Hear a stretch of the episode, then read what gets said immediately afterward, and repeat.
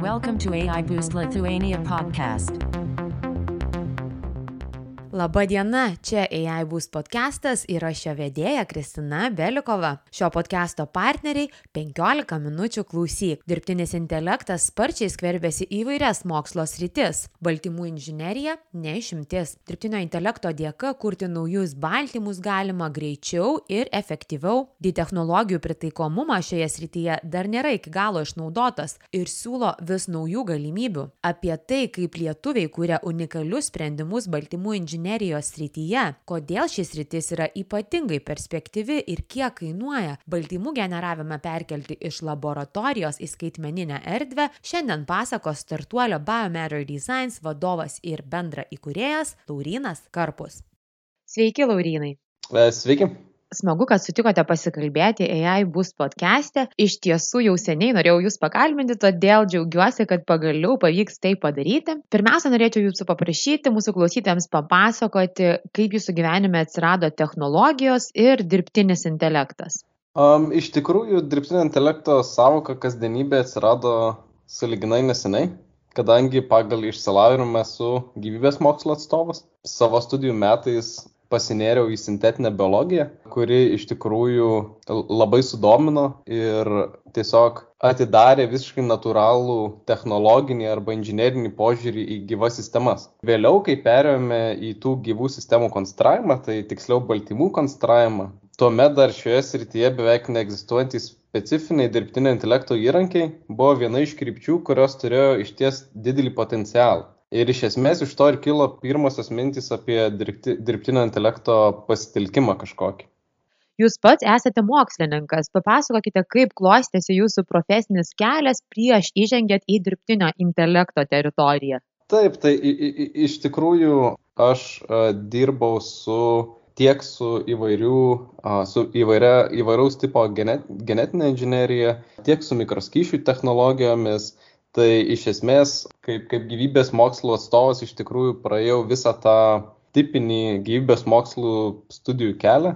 Įtin daug teko dalyvauti su sintetinė biologija susijusiuose dalykuose, tai teko dalyvauti tokiam konkursui, kuris vadinasi IGM, toks sintetinės biologijos konkursas, kur mes ten konstravome įvairius genetiškai modifikuotus organizmus, kurie ar patys organizmai kažką įdomaus darydavo, jie būdavo nenatūralūs, arba tie organizmai gamindavo kažkokias medžiagas, kurios būtų, taip sakant, sukonstruotos genetinės inžinierijos pagalba. Tai iš esmės teko daug dirbti laboratorijoje su įvairiais panašaus spektro darbais. Šiuo metu esate startuolio Biomatter Designs vadovas. Papasakokite, kas tai per startuolis ir kokį produktą kūrė. Tai bendrai, tai Biomatter Designs kūrė skaitmeninės technologijas skirtas supaprastinti ir pagreitinti naujų baltymų kūrimo procesą. Bet tikriausiai bal, naujų baltymų kūrimo procesas gali šiek tiek kelti antakius, tai aš galiu trumpai tiesiog užsiminti šiek tiek ir apie tai. Baltymai yra biologinės molekulės, natūraliai atliekančios svarbias funkcijas organizmuose. Tie patys antikūnai, fermentai, ir, ir kitos pa, panašaus funkcijos molekulės. Tai reiškia, galima baltymą įsivaizduoti kaip gyvą nanorobotą. Jeigu lygintume su kažkokia technika būtinė, tai sakykime, baltymas galėtų būti tiek indaplovė, tiek kavos aparatas, tiek kolonėlės. Tai reiškia, tai yra biologinės molekulės, kurios turi begalę skirtingų funkcijų. Tai reiškia, priklausomai nuo jų formos, nuo jų struktūros, visiškai priklauso skirtingos funkcijos evoliucijos eigoje gamtoje išsivystė milijonai skirtingų baltymų su skirtingomis funkcijomis, kurias jau dabar naudojame industrijoje. Tai reiškia, mes juos paėmėme iš gamtos ir jau naudojame savo tikslam. Tai sakykime, kaip vaistus, tai kaip minėjau, tie patys antikūnai, netgi skalbimo milteliuose galima rasti fermentų, kurie skaido mums nepatinkančius junginius ir begalę kitų atvejų. Nors yra begalė funkcijų, kurios jau yra gamtoje, tai reiškia, jos atsirado dėl to, kad jų tiesiog reikėjo, kad gyvybė būtų, taip sakant, gyvybė galėtų būti palaikoma. Yra daug funkcijų, kurias mes galėtume įsivaizduoti, kurias galėtų baltymai daryti, tačiau gamtoje toks baltymas gali tiesiog neegzistuoti. Ir tokiu būdu atsirado tokia sritis kaip baltymų inžinierija. Ir jis siekia arba patobulinti esamus baltymus gamtoje, tai yra padaryti juos geresniais, tai reiškia stabilesniais, našesniais, arba kurti visiškai naujus baltymus. Tai reiškia naujus vaistus, naujus kažkokius fermentus ar panašiai. Visa problema yra tai, kad baltymų inžinierija yra visiškai nerealiai kompleksiškas dalykas. Tai yra, kad dabar kiek mes suprantame dalykų apie baltymus, o suprantame, aišku, kiekvieną dieną vis daugiau, tai yra itin atsitiktinis darbas, atsitiktinai parenkamos modifikacijos baltymo, kaip jį padaryti geresniu. Tai reiškia, tai yra itin ilgas ir brangus procesas, kuris pagrindė šiuo metu yra atliekamas laboratorijoje. Tai reiškia, mes pasiemam kažkokį natūralų baltymą, mes keičiame jo struktūrą ir tikimės gauti kažką geresnio. Tai reiškia, tai yra labai ilgas procesas, labai brangus procesas, daug žmonių ir ekspertinių žinių reikalaujantis procesas. Tai iš esmės toje vietoje mes matėme itin, itin įdomią problemą, ir potencialius sprendimus, kaip viską padaryti iš esmės geriau, greičiau, galbūt išspręsti problemas, kurios iki šiol negalėjo būti išspręstos vien su laboratoriniu prieimu. Taigi, Biometer Designs pagrindinis tikslas yra perkelti didžiąją dalį baltymų inžinierijos proceso iš laboratorijos į skaitmeninę erdvę. Ir tai ne tik padeda sutaupyti laiko, bet taip pat atveria į galimybės baltymų inžinerijoje, kurios tiesiog nėra įmanomos kitais būdais. Tai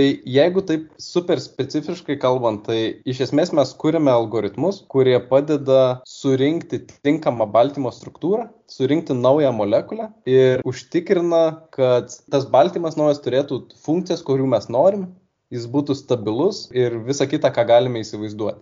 Ir tuomet šias, labor, šias molekulės mes pasigaminame laboratorijoje ir, ir tiesiog patikriname, ar jos realybėje veikia. Tai iš esmės Biomatter Designs kuria naujus baltymus, pasitelkdami dirbtinį intelektą ir kitas kompiuterinės technologijas. O kokią būtent funkciją dirbtinis intelektas atlieka jūsų sprendime? Tai iš tikrųjų nėra, taip sakant, nėra vieno, nėra vieno um, turbūt algoritmo, kuris išspręstų viską. Iš esmės, baltymų inžinierija skaidosi detaliau į, į, į daug, daug, daug mažų problemų ir kai kurias iš jų mes, mes galime, taip sakant, pritaikyti dirbtinį intelektą, kad galėtume jas išspręsti geriau. Tai ypač tos problemos, kurios turi daug duomenų. Tai aš galiu duoti tiesiog kelis pavyzdžius kelių mūsų modelių, kurie veikia gan sėkmingai. Tai pirmasis ir, ir, ir nuo ko prasidėjo visas Biomatter Designs Tai iš esmės vienas įdomių, įdomiausių įrankių, kuriuos šiuo metu naudojame, yra generatyviniai adversariniai tinklai, apie kuriuos teko tikriausiai girdėti. Pastaraisiais metais su jais buvo padaryta nemažai tiek vaizdų, tiek garso ir, ir panašiuose domenuose. Pradinė idėja buvo gan paprasta. Tai reiškia, mes norime sukurti didesnę baltymų įvairovę žiūrėdami į natūralius baltymus. Ir, ir principas iš pradžių idėjiškai buvo labai paprastas, tai jeigu generatyviniai adversariniai tinklai nuotraukose pasitarnauja taip, kad jeigu mes turime labai daug kačių nuotraukų, jie išmoksta tą, taip sakant, tikrąją funkciją, kas yra katė ir leidžia mhm. generuoti tiesiog unikalias kates. Tai pati pati pradinė idėja prieš tris metus buvo ta, kad kodėl to negalima būtų padaryti su tiesiog baltymų molekulėm ir galbūt taip kaip katė atrodo taip kaip katė, mes galėtume turėti visiškai funkcionalų baltymą, kuris būtų visiškai kitoks ir nebenatūralus ir turėtų kitokias savybės, bet tai vis dar būtų funkcionalus baltymas pagal visas taisyklės, kurios, taip sakant, aprašo, kaip, kaip turi baltymas veikti. Ir jeigu tradiciškai tokie generatyviniai tinklai dirba vat, su nuotraukomis, tai šiuo atveju kūrėme unikalią GAN architektūrą pritaikytą dirbti su baltymais. Po metų darbo didžiausia problema buvo ta, jog niekaip negalėjome įvertinti, ar sugeneruotos amino rūgščių sekos arba baltymų struktūros yra geras. Tai privalumas, dirbant, pavyzdžiui, su nuotraukom, tai yra, kad tu gali labai aiškiai matyti, kada tavo algoritmas veikia geriau ar blogiau kai tu kompiuteryje generuoji baltymų sekas, tai reiškia baltymas susideda iš aminų rūkščių, tai reiškia tai yra aminų rūkščių sekos. Kai tu sugeneruoji kažkokią informaciją, tu niekaip negali kompiuterį pasakyti, čia dabar yra, ar tai realiomis sąlygomis laboratorija bus, ta prasme, funkcionalus baltymas, ar jis iš viso darys ar, ar tai iš vis yra reali molekulė, ta prasme. Protein gun, tai tinklas, kurį mes vadinam uh, baltymam generuoti, reikėjo įvertinti laboratorijoje. Tai reiškia, kai mes sugeneruojame su dirbtinio intelekto pagalba tas naujas įvairias baltymų molekulės, jas reikėjo pasigaminti laboratorijoje. Tai reiškia, mes užsisakinėjom DNR, dėjome tą DNR į bakterijas, kurios, koda, taip sakant, tą DNR kodavo tas naujas mūsų sugeneruotas baltymų molekulės. Ir tada mes žiūrėjome, ar tie baltymai iš tikro sugeneruoti kompiuteriu yra funkcionalūs. Ir mūsų nuostabai labai nemaža dalis visiškai sintetinių baltymų atliko numatytas funkcijas. Ir tai buvo pirmasis pasaulyje eksperimentiškai pademonstruotas atvejis, kai dirbtinio intelekto sugeneruoti baltymai buvo gyvi ir funkcionalūs laboratorijoje. Tai jūsų naudojamas algoritmas mokosi iš vaizdų, nuotraukų ar iš kažkokių kitų duomenų? Tai būtent didžiausias skirtumas yra tai, kad nėra jokios vizualinės informacijos. Tai reiškia, palyginus su, sakykime, dirbant su nuotraukom, tai mes turime tiesiog vaizdinę medžiagą. Kai dirbi su baltymais, tu turi to baltymo e, seką. Tai reiškia, reikėtų įsivaizduoti taip, kad kiekvienas baltymas yra sudarytas iš, iš kažkokio kiekio aminorūkščių. Tai reiškia, pavyzdžiui, vidutinis kažkoks baltymas gali būti sudarytas iš šimto aminorūkščių. Tai reiškia, tai yra šimto ženklų tiesiog informacija. Ir tokių gamtoje yra labai daug. Ir mes, vad būtent į šitus natūralius pavyzdžius žiūrėdami, galime, galime šią informaciją naudoti generatyvinių tinklų apmokymui kaip jums iš viso kilo mintis kurti dirbtinio intelekto sprendimą tokioje srityje ar tiesiog sėdėjote su draugais ir sugalvojote kad štai kurkime sintetinius baltymus iš tikrųjų tai mes jau kurį laiką, taip sakant, dalyvavome ir sintetinės biologijos konkursuose ir, ir vykdėm įvairius projektus. Jeigu kalbant grinai apie generatyvinius tinklus, tai tai buvo tiesiog gal, galbūt minties šuolis, kuris leido Gal, gal tai buvo šiek tiek atsitiktinis šuolis, tai reiškia, mes visada būdavome šioje srityje uh, ir kažką kurdavome, bet iš esmės kažkurį tiesiog vakarą, beskaitant straipsnį apie generatyvinius tinklus, kurie 2017-2018 metais labai gavo populiarumą kitose domenuose, tiesiog kilo idėja, tai tikrai turėtų veikti. Šiandien nebuvo geros priežasties, kodėl jeigu tai veikia nuotraukose, tai negalėtų būti transliuojama tiesiog išmokti kitų taisyklių.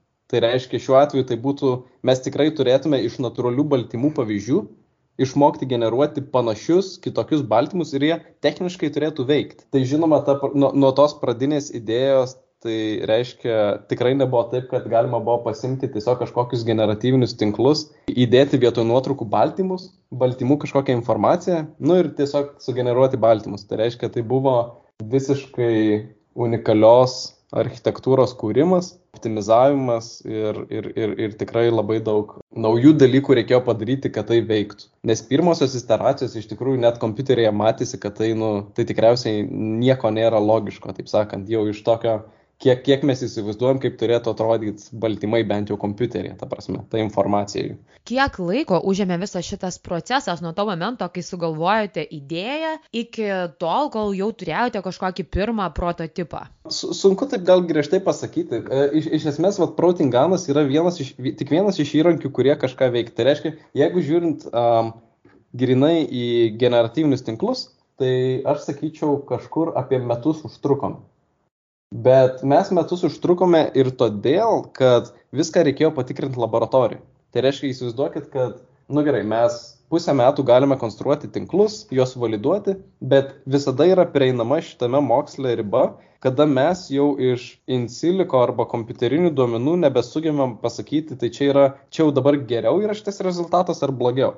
Ir tada, ką reikia daryti, tai reikia siūsti, tarpšia, šitą skaitminę informaciją paversti į fizinę informaciją laboratorijoje ir ištestuoti tai.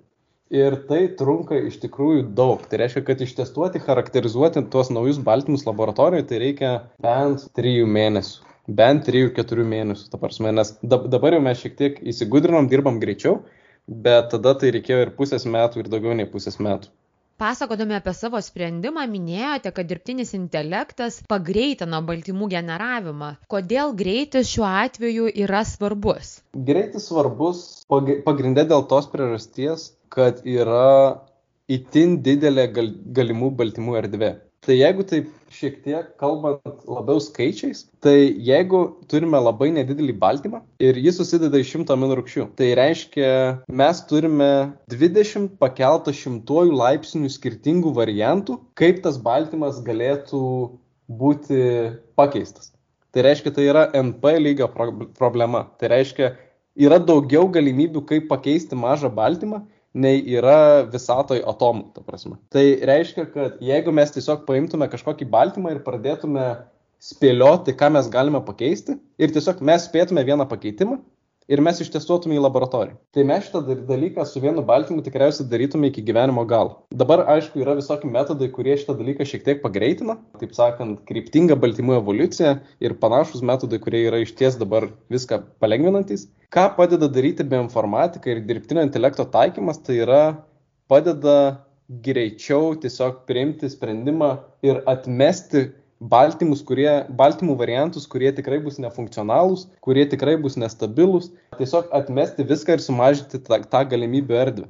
Tai reiškia, jeigu mes galime sumažinti savo pasirinkimo variantų iš ten, sakykime, iki, iki bent jau 10-6, tai reiškia, nu, sakykime, vienas iš milijono variantų, tai jau mes antiek susimažinam savo galimybių erdvę. Ir jeigu kalbant praktiškiau, tai pavyzdžiui, Jeigu mes norime surasti kažkokį terapinį baltymą, pavyzdžiui, antikūną, tai reiškia, įprastais atvejais mums reikėtų tikrinti milijonus, milijonus molekulių, kur su dirbtinio intelekto pagalba, pasitelkiant tiesiog įvairius algoritmus, mes galime ta, šią erdvę taip sumažinti, kad mums reikės patik, patikrinti veikiau tūkstantį variantų laboratorijoje ir mes taip tiesiog sutaupysime labai daug laiko. Ir čia yra greitis vienas yra dalykas, bet iš esmės turint omeny, kad yra milijardai ir daug daugiau, tarp skirtingų, skirtingų variantų, yra didelė tikimybė, kad mes iki tų variantų niekada nenueitume įprastais metodais. Tai reiškia, čia yra greitis yra svarbus todėl, kad galimybių yra tiek, kad mes tiesiog neišvaikščiotume visos šitos erdvės paprastais metodais. O kalbant laiko prasme, kiek susitrumpina tas baltymų generavimas, ar mes čia kalbame apie savaitę, metus ar kelias dienas?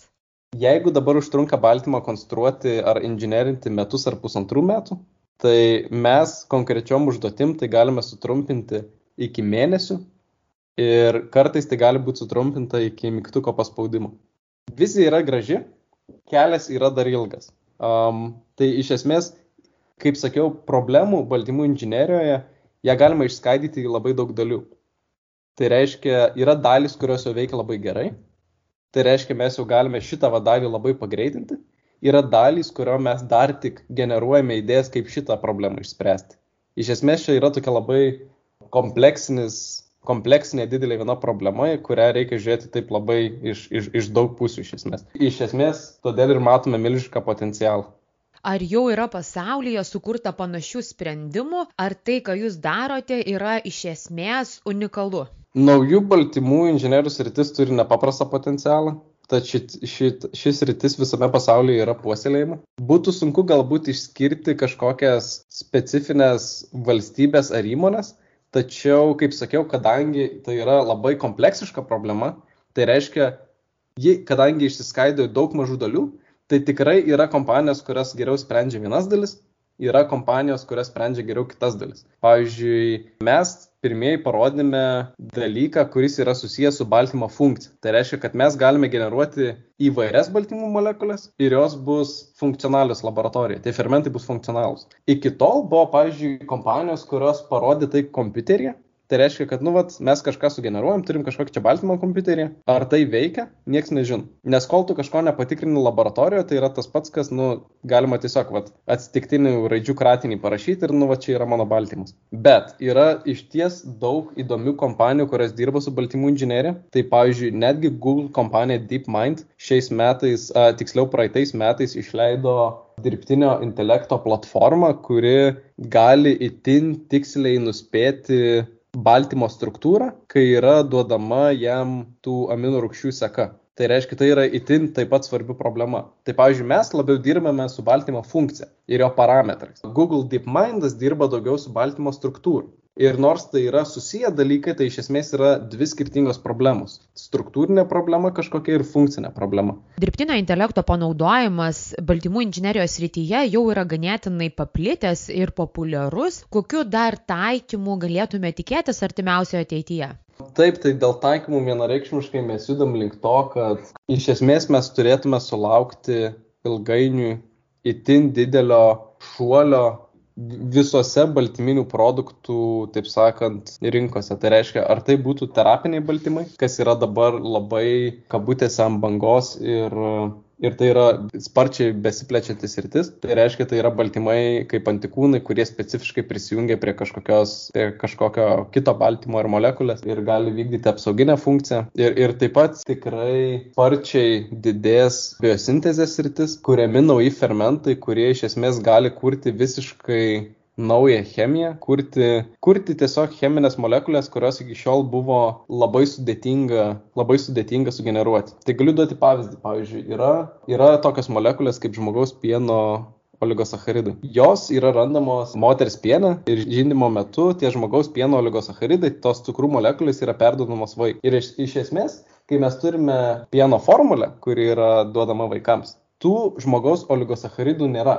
Galima sakyti, kam gal, galbūt jie nėra tokie svarbus, tačiau yra parodyta, jog jie, yra, jie yra, veikia kaip ir prebiotikai, atsakingi už imuninės sistemos gerą formavimąsi, neurosistemos formavimąsi. Ir iš esmės visi turbūt sutiktų, kad natūralus pienas turėtų puikiai atitikti formulės pieną. Bet taip nėra, nes tuo žmogaus pieno oligosacharidus, kurių pienė yra virš 200, mes jų nesugebame pagaminti. Ir nesugebame pagaminti todėl, kad tiesiog nėra tam tikrų baltymų, kurie yra reikalingi šių junginių sintezė. Ir mes šių baltymų tiesiog negalime paprastai susikurti, nes iš esmės dažnai mūsų baltymų inžinerijos žinios yra per prastos. Tai sakykime, jeigu mes turime pakankamai, pakankamai gerą sistemą baltymams kurti, tai mes galime pradėti fe, kurti fermentus, kurie yra skirti būtent tokių molekulių gamybai.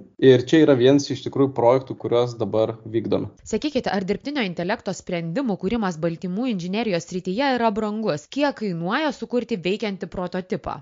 Dažnu atveju nepaprastai brangus. Didelė kainos dalis ateina iš eksperimentinės dalies, kai norime patikrinti sumodeliuotus baltymų variantus. Didžiausia problema yra tame, kad nemažai daliai užduočių nėra užtikrinto in silico būdo validuoti, ar algoritmas veikia tinkamai. Ta testavimo fazė turi būti atliekama su laboratorijos tyrimais. Ir tai reiškia, kad um, ta biudžeto iš esmės dalis, kuri yra skirta dirbtinio intelekto kūrimui ar kažkokiu kitokiu bioinformatikos įrankiu kūrimui, yra taip yra super sudėtinga, bet kartu ir nereikalauja kažkokių labai kosminių resursų, kur, sakykime, mes galime ištreniruoti ten labai didelį tinklą, nežinau, ten BERT, BERT dydžio tinklą už kokius, sakykime, grubiai tariant, pavyzdžiui, 50 tūkstančių eurų.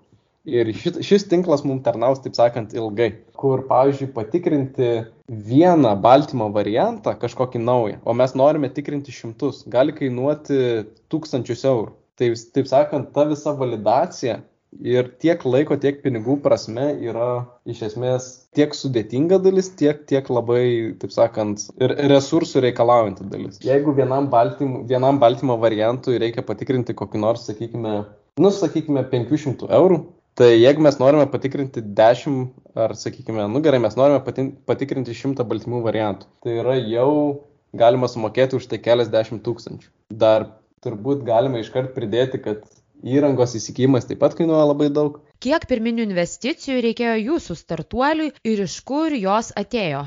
Pirmąjį proof of concept, e, tai reiškia protinganą, mes kuriame generavome tuos naujus baltymus, tai sukūrėme visiškai be jokių išorinių investicijų. Pradžioje mes tiesiog, taip sakant, suformulavome problemą, ją sprendėme tiek iš kompiuterinės, tiek iš biologinės pusės. Ir tada, kai jau prieėjome tą ribą, kada, kada mes nebegalėjome, kaip minėjau anksčiau, pasakyti, čia gerai ar blogai, mums reikėjo eiti į laboratoriją. Tai mes iš tikrųjų kolaboravome tiek su Vilniaus universitetu, tiek su Chalmers universitetu iš Švedijos. Ir, ir jų pagalba mes padarėme tuos visiškai, visiškai pirminius baltymus, mes, iš kurių mes sužinojome, kad tai veikia. Tai reiškia, ir, ir kartu tai buvo dar mano minėto konkurso IGM šiek tiek dalis, kuriame mes irgi turėjom kažkokį, taip sakant, konkursinį finansavimą tom idėjom išbandyti. Šis įrodymas iš esmės turėjo labai daug svorio ieškant investuotojų ir aišku nepakenkė ir nepaprastai stipri ir talentinga komanda, bei nepaprastai didelis baltymų inžinierijos ir ties potencialas.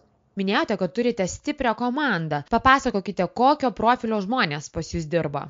Darbas Biomeric Designs iš tikrųjų apima labai platų kompetencijų spektrą ir tai puikiai atspindi mūsų sudėtis. Tai tikriausiai iškiausiai komandą galime padalinti į dvi dalis pirmas. Tai reiškia, pirmoji tai būtų laboratorijos komanda, kuri yra užsiema visų šlapių darbų, tai reiškia visų eksperimentinių validavimų to, ką mes padarome in silico, o antroji komandos dalis dirba prie kompiuterio ekranų. Ir tada šitas dvi kategorijas mes toliau galime skaidyti iš esmės detaliau. Tai reiškia, laboratorijoje pagrindė dirba žmonės, aišku, turintys gyvybės mokslų ar biotehnologijų išsilavinimą, pavyzdžiui, molekuliniai biologai, e, genetikai, biochemikai. Ir jie taip pat specializuojasi, taip sakant, vienas specialistas moka gerai grinti baltymus, kitas gerai charakterizuoja juos, o programuojanti komandos dalis pagal specialybės yra kur kas, taip sakant, įvairesnė. Tai reiškia, tai yra gyvybės mokslus ir tie žmonės turintys programavimo ir duomenų mokslo žinias, tai pavyzdžiui, mes jas vadinam bioinformatikais, dirbtinio intelekto specialistai, programuotojai, kompiuterinės baltymų inžinerijos ekspertai. Tai reiškia, kadangi problema yra tokia tarp daug sričių sankirtų, Tai reiškia, mums iš kiekvienos pusės reikia skirtingo visiškai požiūrio į problemą. Tai reiškia, jeigu mes norime sukurti kažkokį naują baltymą, tai mums aišku reikia ir žmogaus, kuris galėtų super tiksliai ir gerai suformuoluoti problemą, kuris suprastų iš vis, kas yra baltymas, jo chemija, fizika, biologija. Ir tada taip pat reikia žmonių, kurie galėtų, taip sakant, suformuoluoti kažkokį sprendimą iš bioinformatikos, iš dirbtinio intelekto pusės ir kaip padaryti visą sintezę tarp šitų dalykų mes čia nesam pusiai metų, mes čia nesam metam. Mes norime statyti iš ties um, ilgalaikį tokį kaip ir projektą, ilgalaikę kompaniją. Tai mes esame linkę visada, jeigu mes matome, kad žmogus turi daug potencialo, nu, pavyzdžiui, žmogus baigęs gyvybės mokslus. Ir jis gal neturi daug patirties, bet jis yra darbštus, jis motivuotas, jis turi super daug potencialo mes visada linkę esam tokį žmogų užsiauginti toj vat baltymų inžinerijos dirbtinio intelekto aplinkoj, nes aplinka yra išties super specifinė. Tai labai retai sutiksi žmogų, kuris ateis ir galės, nu, taip sakant, from day one iš karto padėti viską statyti. Tai reiškia, jį tikriausiai reikės kurį laiką dar įvesti, parodyti, tiesiog įdėti į šitą terpę ir pažiūrėti, kaip jisai auks joje. Žinau, kad praėję metai jums kaip startuoliui buvo labai sėkmingi, nes pritraukėte nemažai investicijų ir sėkmingai judate į priekį. Kokie yra jūsų artimiausių metų planai ir galbūt planai penkeriems metams į priekį? Šiuo metu intensyviai kūrėme naujus įrankius padėsiančius mums itin užtikrintai kurti įvairaus tipo baltymus. Tai reiškia, mes tuo pačiu kūrėme platformą, įrankių dėžę arba tiesiog algoritmų rinkinį, kuris padėtų kurti naujus baltymus iš įvairių jų savybių pusių, o tuo pačiu metu savo platformą taikomi dirbdami su savo klientais ir kurdami ar tobulindami jiems reikalingas molekulės. O ateityje mes iš tikrųjų siekime įmonės viduje kurti ir komercinti savo industrinius fermentus ar terapinius baltymus. Kalbant apie dar ilgesnę perspektyvą, tikiuosi, optimistiškai tikiuosi, jog 5-10 metų bėgyje naujų baltymų dizainą ar dizaino procesą varžys tik mūsų pačių fantazija, o ne kažkokios techninės kliūtis. Šiuo metu vadovaujate startuoliui Biomatter Designs ir tai reiškia, kad nesate tiesiog darbuotojas ar tiesiog mokslininkas ir turite derinti daug įvairių kompetencijų. Kas jums yra įdomiausia, o galbūt kas yra didžiausias iššūkis šiame darbe? Iš tikrųjų yra labai įdomu, Tai tai pirma mano tokia pozicija. Iš tikrųjų, bent jau dabar iš mano perspektyvos, sudėtingumas tokio darbo kyla iš begalinio balansavimo. Nėra kažkokio, nėra juoda balta, yra visada kažkas per vidurį, bet iš esmės viską palengvina iš tikrųjų komanda, kuri yra tiesiog visapusiškai fantastiška. Iš tikrųjų, pagrindinis dalykas, kuris įkvėpia dirbant sintetinės biologijos ir dirbtinio vat, intelekto sankirtoje, kuriant baltymus ar baltymų technologijas, yra beribis potencialas, galintis prasiskverbti į iš tikrųjų visas sritis ir žmonių kasdienius gyvenimus. Tai yra įrankis, kuris iš tikrųjų gali pakeisti labai daug. Ir aš manau, kad šioje srityje, taip sakant, visos kompanijos ar, ir akademija, kuri dirba, tai iš tikrųjų gali pakeisti pasaulį. Kokie būtų jūsų patarimai žmonėms, kurie dabar pradeda kurti dirbtinio intelekto sprendimus arba startuolį? Geras klausimas. Iš tikrųjų, DAI sritis yra vis dar labai jauna. Galbūt norint padidinti tikimybę gauti teigiamus rezultatus, reikia gebėti greitai patikrinti daug naujų hipotezių. O tam labai padeda stiprūs programavimo pagrindai. Tai sakyčiau, tai būtų viena. Sakyčiau, iš, iš grinai žiūrint RD pusės, tai sakyčiau, kad itin geras statistikos išmanimas ir be abejo kritinis mąstymas yra super svarbus, turint omeny kiekį publikacijų, kurios iš tikrųjų pagaražina rezultatus, juos pateikia per rožinius sakinius, todėl šiuo, šiuo metu iš tikrųjų literatūros yra super daug. Per dieną išeina super daug straipsnių, kurie visi atrodo fantastiškai. Visi veikia šiek tiek geriau nei prieš tai buvę straipsniai. Ir, ir todėl yra labai svarbu mokėti kritiškai vertinti. Laurynai, pokalbio pabaigai norėčiau paprašyti, kad mūsų klausytojams rekomenduotumėte kažką paskaityti, paklausyti arba pažiūrėti dirbtinio intelekto ar galbūt baltymų inžinerijos tema. Galėčiau rekomenduoti vieną vieną seminarą, video YouTube, kurį nesenai teko žiūrėti. Jis yra Deep Learning AI kanale YouTube. Vadinasi From Model Centric to Data Centric AI. Mintis iš tikrųjų ten gan paprasta, bet aš manau, kad tai yra labai svarbu įvertinti ir prisiminti, kad galbūt kartais neapsimoka tiek daug žaisti su modeliu, kuris yra pakankamai geras ir reikėtų daugiau orientuotis į duomenis ir tų duomenų kokybės gerinimą. Ačiū už puikią rekomendaciją ir įdomų pokalbį. Linkiu sėkmės toliau auginant savo startuolį ir kad pavyktų pakeisti pasaulį. Ačiū labai. Su jumis buvo AI Boost podcastas. Ačiū, kad klausėtės ir iki kitų pokalbių apie dirbtinį intelektą. Ekspertiškai, bet suprantamai kiekvienam.